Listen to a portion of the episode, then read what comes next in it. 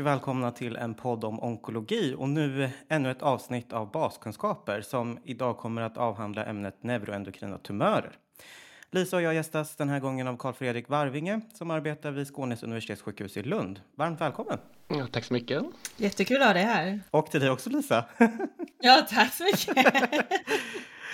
Kalle, du kan väl börja med att eh, presentera dig lite kort för våra lyssnare. Jag är specialistläkare på Skånes universitetssjukhus och då i onkologi och då med speciell inriktning, inte formellt men liksom i praktiken mot eh, endokrina tumörer. Så jag jobbar med sköldkörtelcancer och neuroendokrina tumörer och vi har också ansvar på vår enhet för all form av radionuklidterapi som, som ges på sjukhuset, så även liksom vid benign sköldkörtelsjukdom och vid eh, prostatacancer och, och, lite sånt där vi också ger eh, radionuklidbehandling. Okay. Vilket också är ett aktuellt grej just vad gäller NET. Ja. Mm. Spännande. Mm. Ja, men det här blir jättespännande. Vi känner ju alltid så här äh, när man får gäster som experter på olika områden att vi lär oss jättemycket. Nät är ju lite av ett mysterium för mig fortfarande. Ja, nej men det är, jag tror att folk har försökt förvirra eh, avsiktligt för att eh, det är inte så svårt eh, egentligen.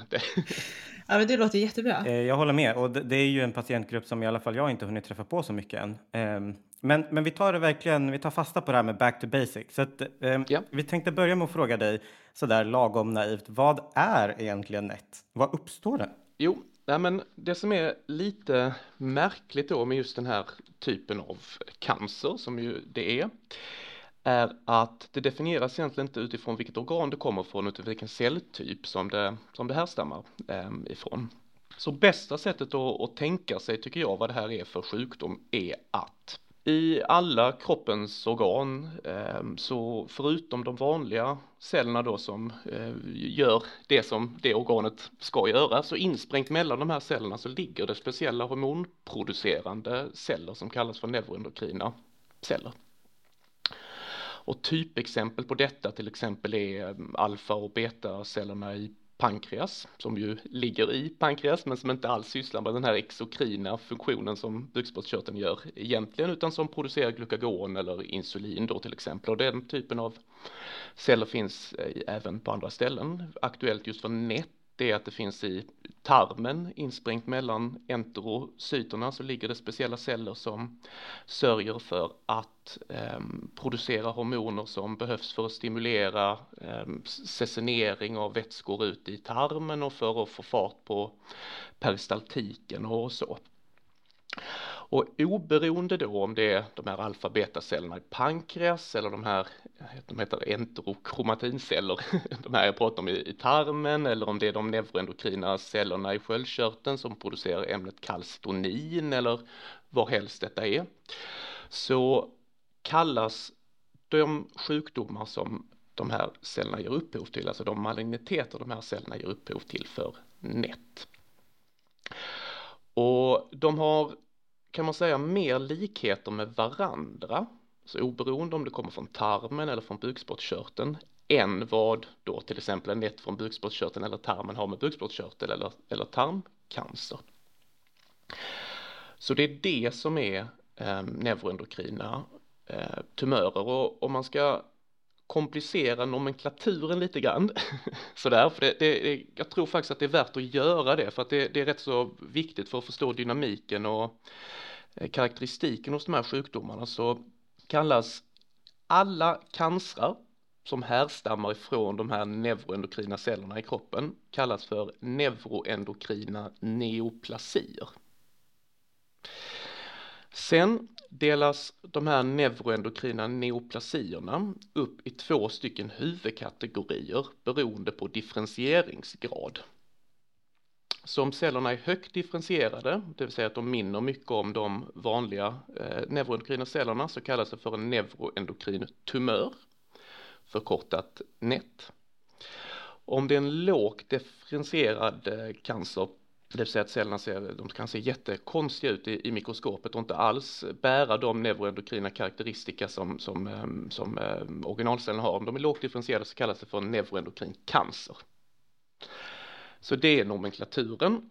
Och då är det ju liksom lätt att, att tänka sig att NET inte är en cancer, för det heter ju neuroendokrin tumör och den neuroendokrina cancern heter neuroendokrin cancer, men allting är malignitet. Och så att det är väl som ofta med vad gäller nomenklatur så där att historiskt sett har de kallats för olika saker och så blir det liksom lite förvirring. Men så, eh, det är vad det är för någonting.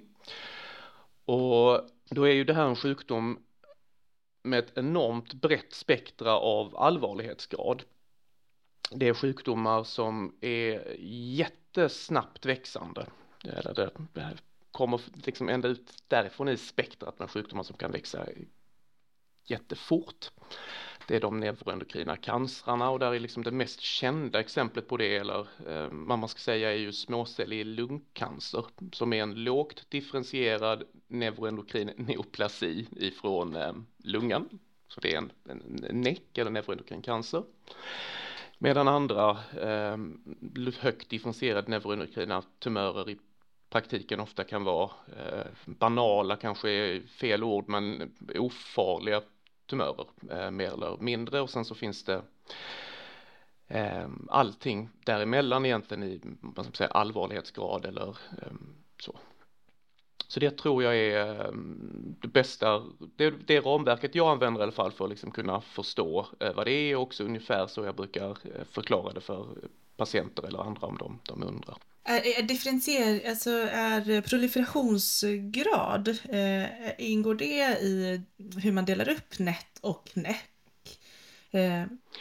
Ja, alltså jag kan inte den där patologiska klassificeringen helt och hållet, men jag förstår det som att när man avgör om det är en nett eller en näck, att det i första grad handlar just om differentieringsgrad så med olika patologiska faktorer, alltså hur olika är de här cellerna, de, de eh, vanliga eh, neuroendokrina cellerna.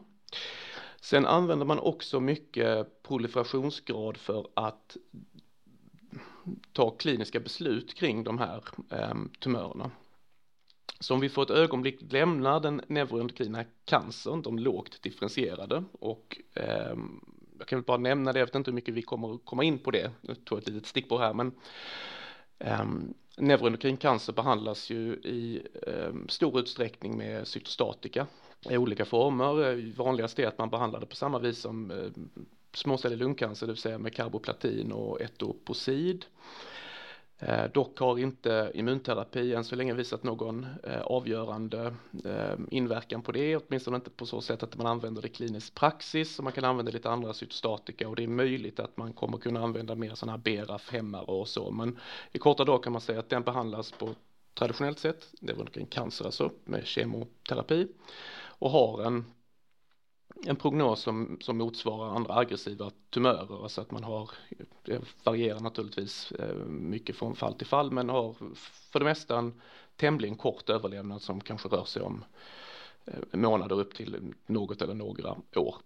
Men nu var en lång utläggning på frågan om proliferationsgrad eh, som vi återgår till. Men Kalle, så om man, om man jobbar med neuroendokrina neoplasier då, så, då jobbar man med tumörer som är sprungna ur egentligen eh, typ vilket organsystem som helst då, men det är gemensamt att de har sitt ursprung i en neuroendokrin cell.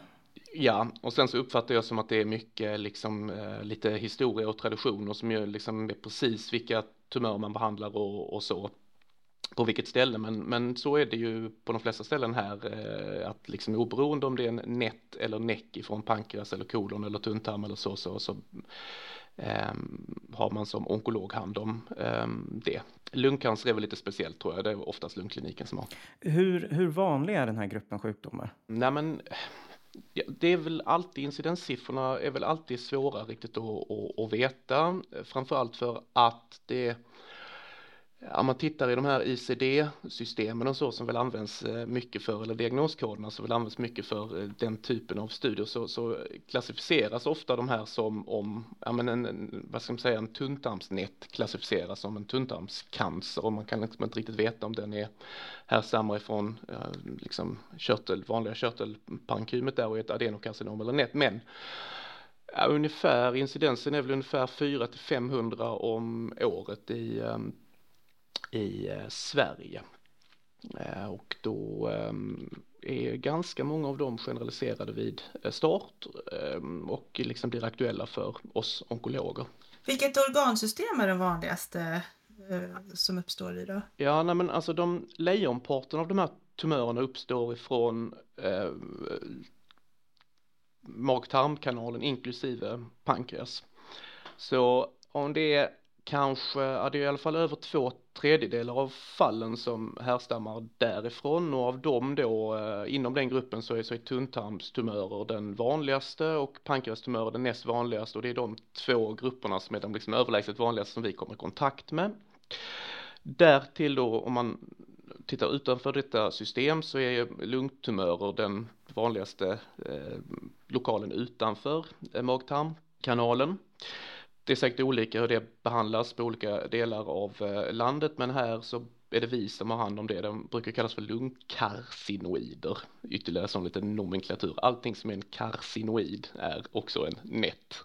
Och därtill så finns det lite ovanliga varianter då som till exempel medulär tyroideacancer som är neuroendokrin tumör från eh, medull, eller förlåt, eh, tyroidea och så. Är det någon eh, särskild patientgrupp som du träffar mer av? Alltså, är det så att det drabbar mer män än kvinnor eller unga patienter eller patienter?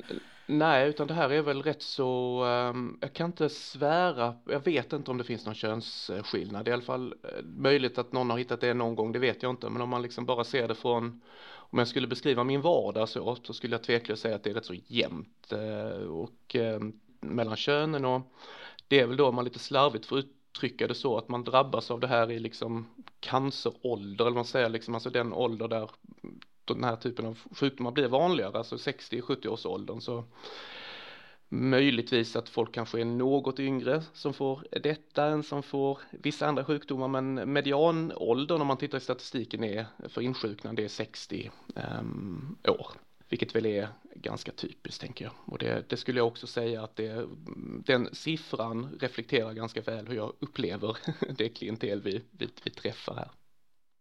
Um, och det finns ju inga liksom sånt där eh, extrema riskfaktorer för detta heller och um, så som man har eh, pekat på.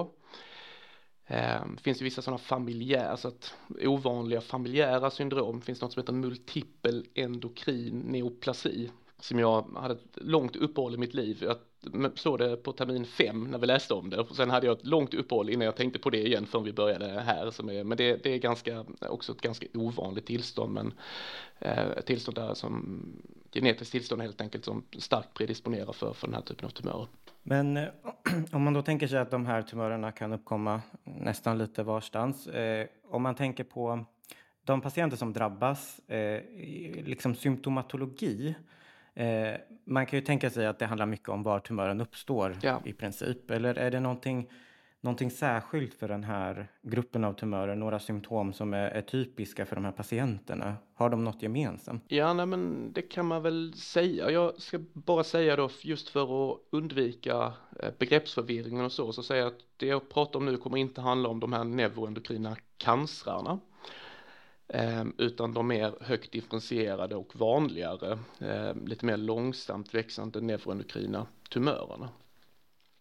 Och, och, det är en speciell eh, grupp eh, sjukdomar och det är väl också någonting sånt som eh, jag tänker att publiken är ST-läkarna att det är bra att veta det. För man förvånas ofta över den kraftiga diskrepansen mellan det man ser på röntgenbilderna och hur patienten ser ut. Typexemplet om, så som jag upplevt i alla fall, om man har en mm,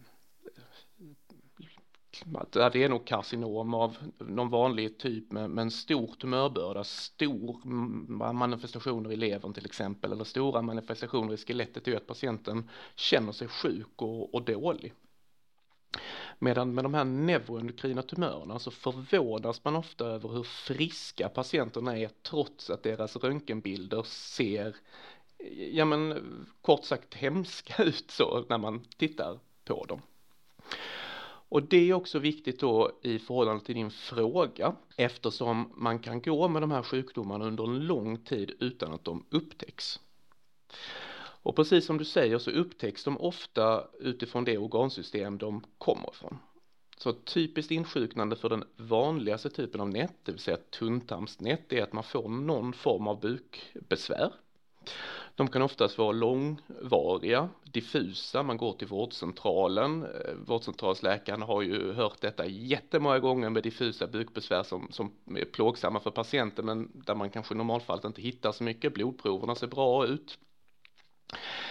Um, och så förr eller senare då så, så, drabbas man av att den här sjukdomen då tumören ger upphov till ett ilius till exempel eller en mer um, påfallande bukbesvär som gör att man gör en, en röntgen och då upptäcker man liksom i typfallet en, en sjukdom som är spridd.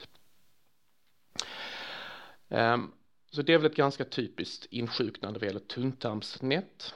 Eh, bukspottkörtelnät kan man ju ibland se att man får en, precis som vid ett adenokarcinom, att man får en eh, ikterus, det är väl det vanligaste, eller som gallstas, det är väl det vanligaste eh, insjuknandet eh, därifrån och är vid det tillfället så är det ofta så att sjukdomen redan är, är, är spridd. Ehm, och sen så kan man också då få specifika symptom från de hormoner som sjukdomen producerar. Um, Tunntarmsnät producerar ofta ett ämne som heter, ehm, eller det man mäter i alla fall är en, ett serotonin eh, derivat som heter 5-HIA som är någon slags beskrivning av hur molekylen ser ut.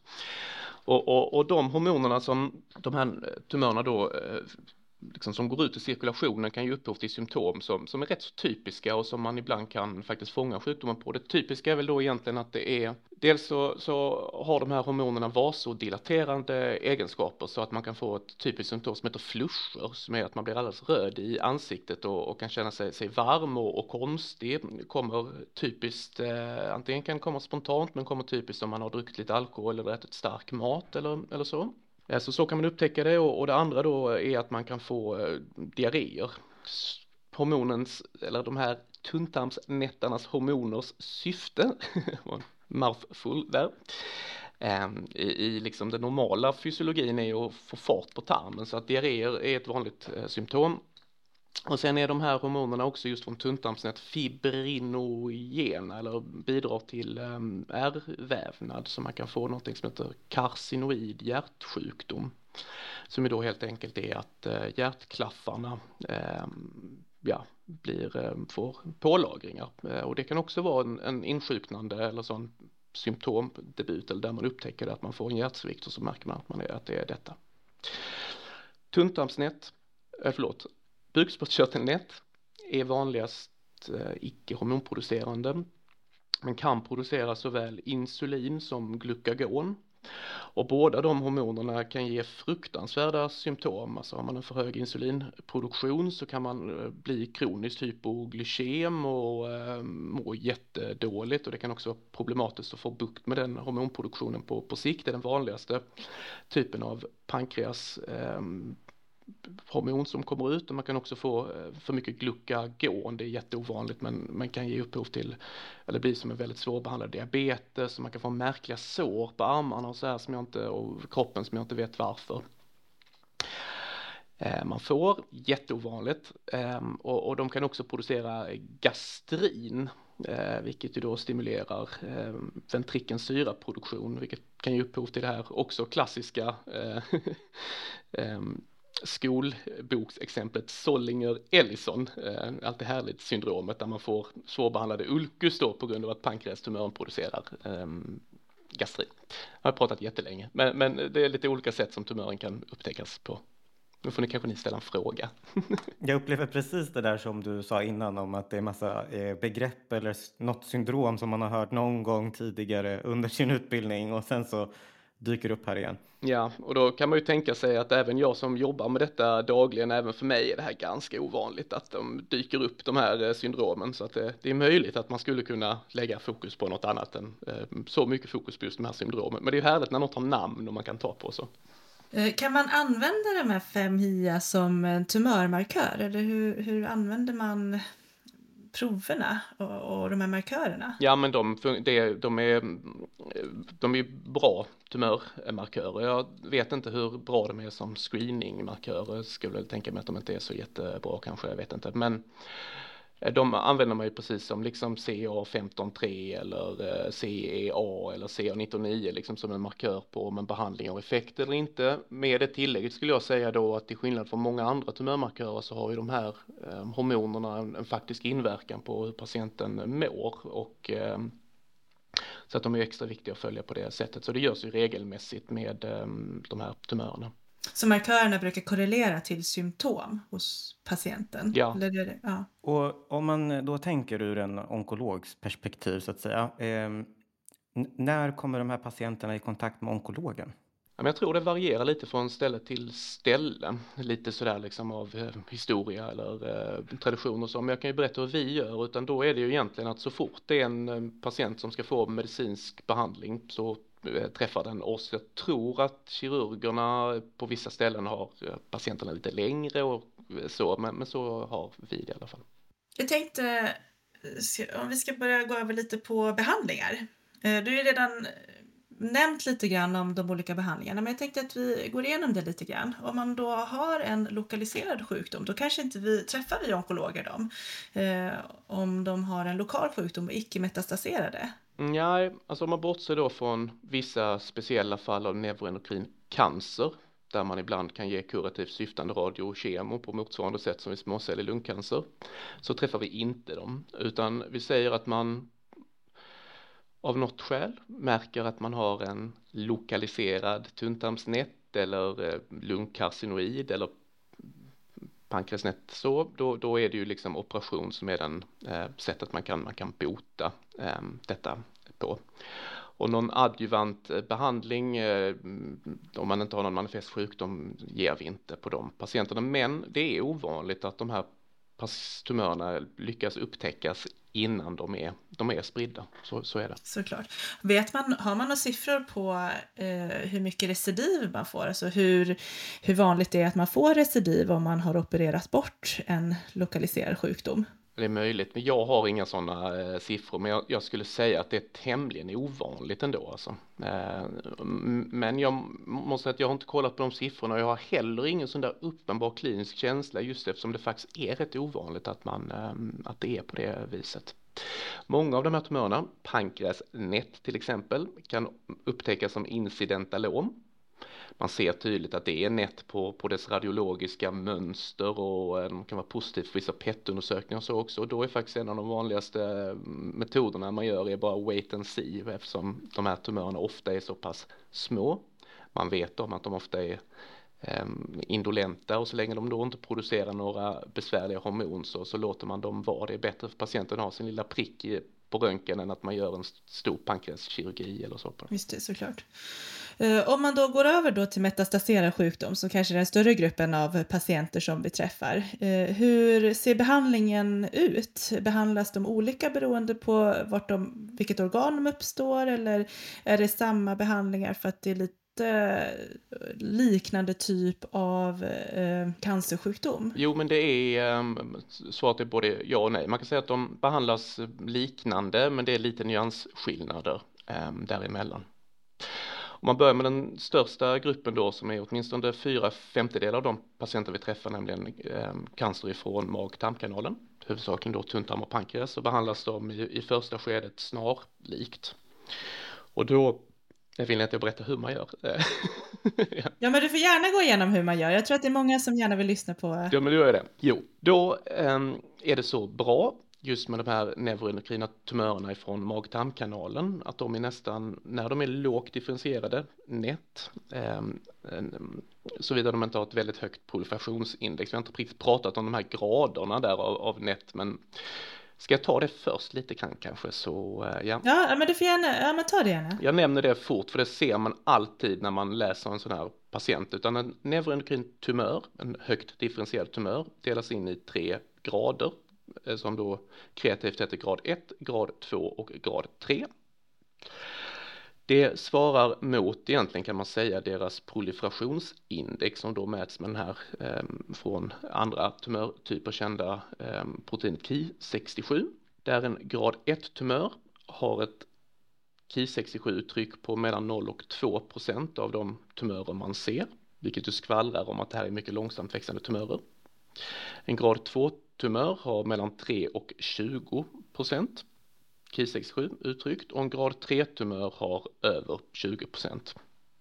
Sen tittar man också lite grann på hur mycket mitoser och så som är och det kan ibland ändra klassificeringen men i huvudsak så är det den här KI67 som avgör vilken grupp man faller in i och det svarar då, det har är dels lite betydelse för hur vi tänker med behandlingen men också starkt korrelerat till hur det går för de här eh, patienterna. Men de vanligaste då mm, är att man har tämligen lågt sånt här KI67, att man kanske är en grad 1 eller i en grad 2 med ett KI67 åt det lite lägre hållet. Och snart sagt alla de patienterna har en sjukdom som uttrycker en, eller uttrycker en receptor på sin yta som heter somatostatinreceptorn som är superviktig för eh, behandling av NET.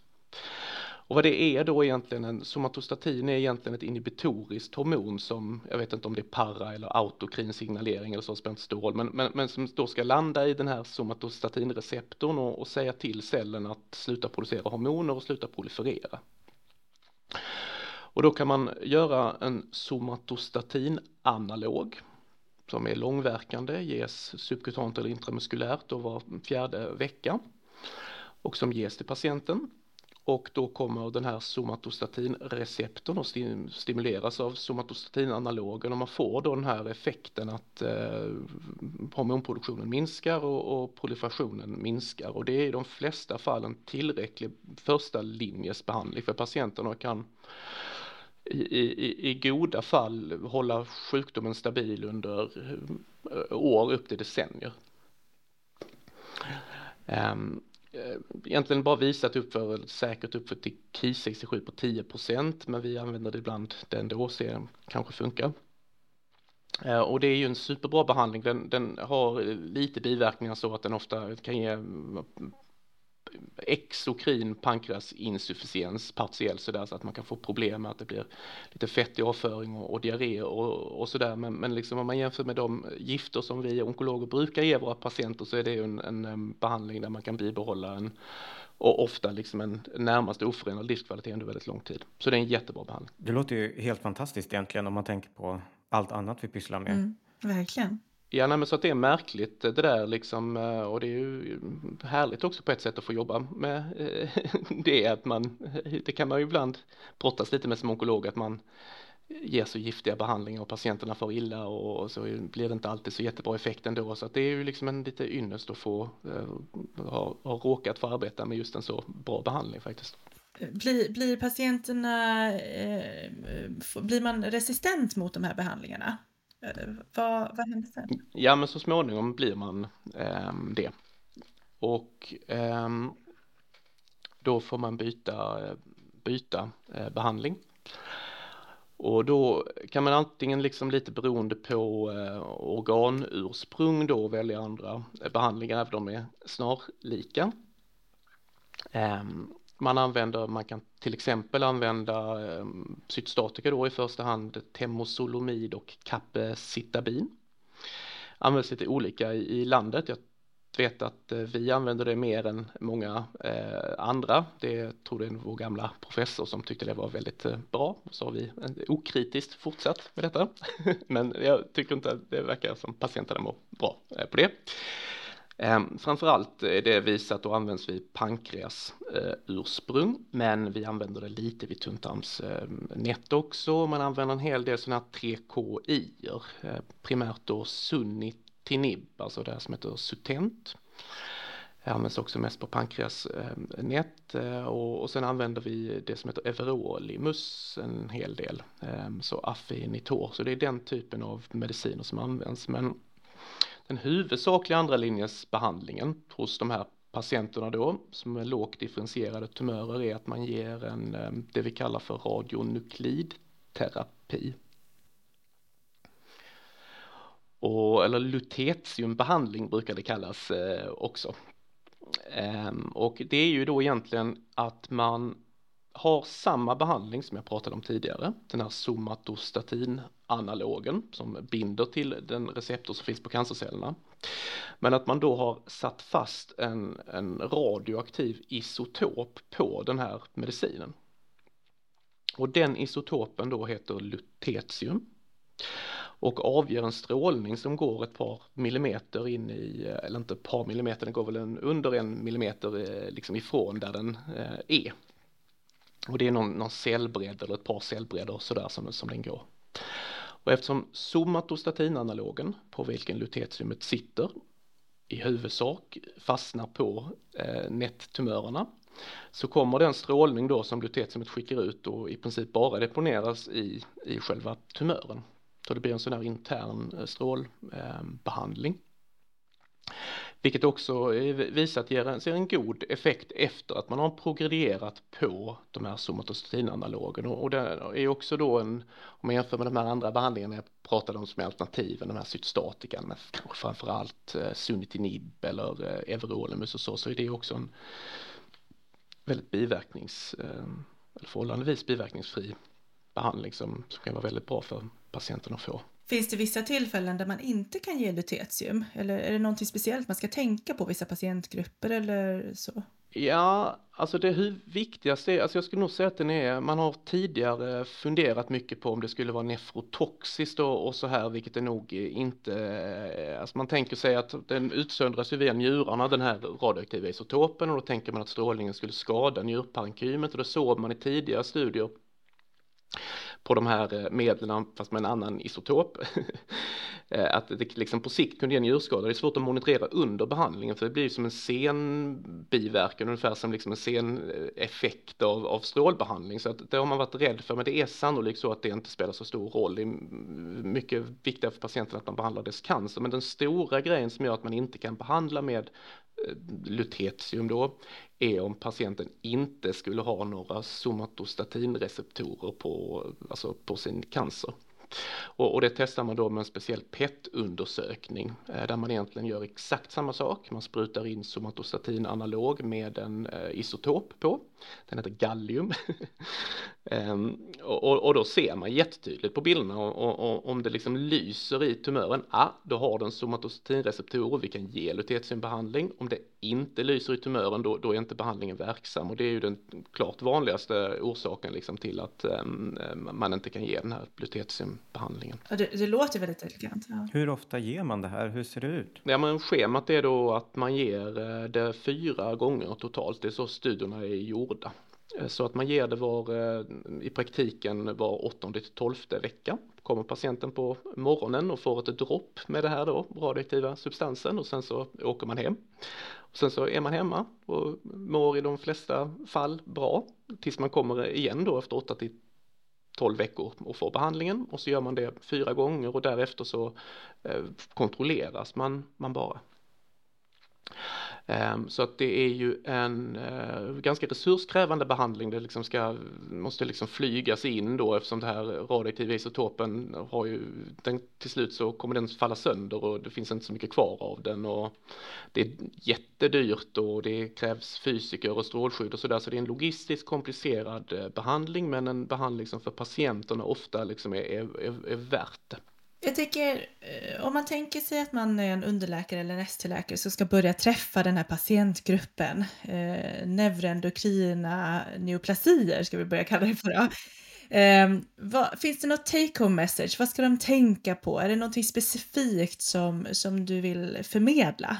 Eh, nej, men jag tror att det viktigaste är att för att jag tänker att man, för att man ska känna sig trygg när man träffar en patient så uppfattar jag det i alla fall som att det är viktigt att förstå hur sjuk är den här patienten liksom? Eh, vad är det, hur, hur mår patienten och hur, man ska åtminstone ha en, liksom en hum om vad som är mest sannolikt att den här patienten, hur mår den om ett år eller om två år för att man liksom dels ska kunna ge ärliga svar men också liksom kunna hjälpa till och fatta korrekta beslut och så. Så att jag tror att det hade lagt lite fokus på hade varit just då att förstå eh, ungefärliga prognosen för de här olika grupperna, grad 1, grad 2, grad 3 och neuroendokrin cancer så att man liksom kan ha ett, eh, man inte behöver känna sig så dum, eller vad man säger, att man inte har några svar på frågorna som patienten ställer. Så det hade jag nog, ehm, det hade jag nog tittat på. Och eh, med den bakgrunden då, om man, om man vet det och, och, känner sig lite trygg med det så, så kan man ju sen fråga liksom vilken eh, behandling man ska byta till eller ge eller, eller, ehm, eh, eller så.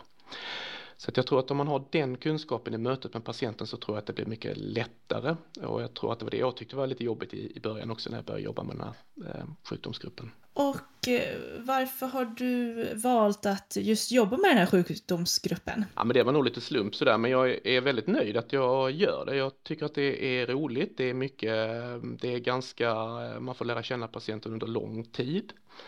Jag tycker det är lite spännande också med, det är mycket liksom titta på bilder och fundera på om lutetiumbehandling skulle vara ett alternativ här och äm, även den forskning som bedrivs i, i Sverige är mycket riktat på just det här liksom, ja, hur man kan använda de här bilderna kring lutetiumbehandling för att optimera den och det tycker jag är, är väldigt eh, trevligt.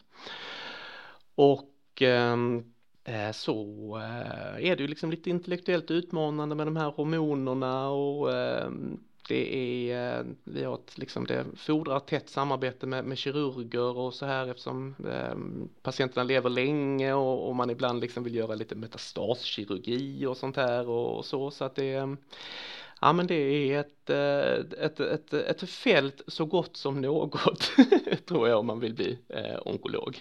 Eller ja, om man är onkolog. Ja men vad trevligt att få prata med dig. Vi har ju förstått att då eh, neuroendokrina neoplasier kan variera med prognos från flera år till väldigt Eh, kort tid beroende på hur aggressiv, lågdifferentierad eller hur hög proliferativ den är.